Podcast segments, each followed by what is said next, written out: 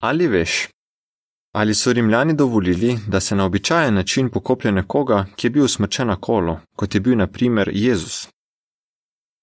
Mnogi poznajo poročilo o tem, da je Jezus visel na kolo med dvema zločincema, ko je bil usmrčen. Vendar nekateri dvomijo o točnosti svetopisanskega poročila, da so Jezusovo truplo na to pripravili za pokop in položili v grob. Nekateri, ki so kritični do evangelijev, dvomijo, da je bilo dovoljeno, da se nekoga, ki je bil smrčen, dostojno pokoplje. Menijo, da so s truplom verjetno ravnali drugače. Novinar Ariel Sabar je v reviji Smithsonian pojasnil razloge za takšno prepričanje. S križanjem so kaznovali najslabše ljudi. Nekaterim strokovnjakom se zdi smešno, da bi rimljani takšnim omogočili dostojen pokop. Rimljani so obsojene zločince hoteli kar najbolj ponižati.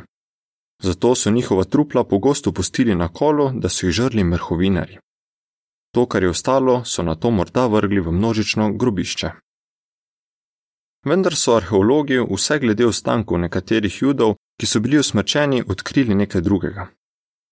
Leta 1968 so v tipičnem grobu judovske družine blizu Jeruzalema našli ostanke okostja moškega, ki so ga usmrtili v prvem stoletju. Shranjeni so bili v kostnici. Med ostanki je bila tudi petnica. Z 11,5 cm dolgim žebljem je bila pribita na leseno deščico.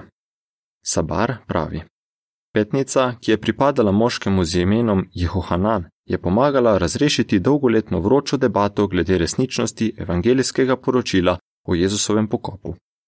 Vredno je omeniti, da je Jehohananova petnica primer moškega, križanega v Jezusovih dneh, za katerega so rimljani dovolili judovski način pokopa.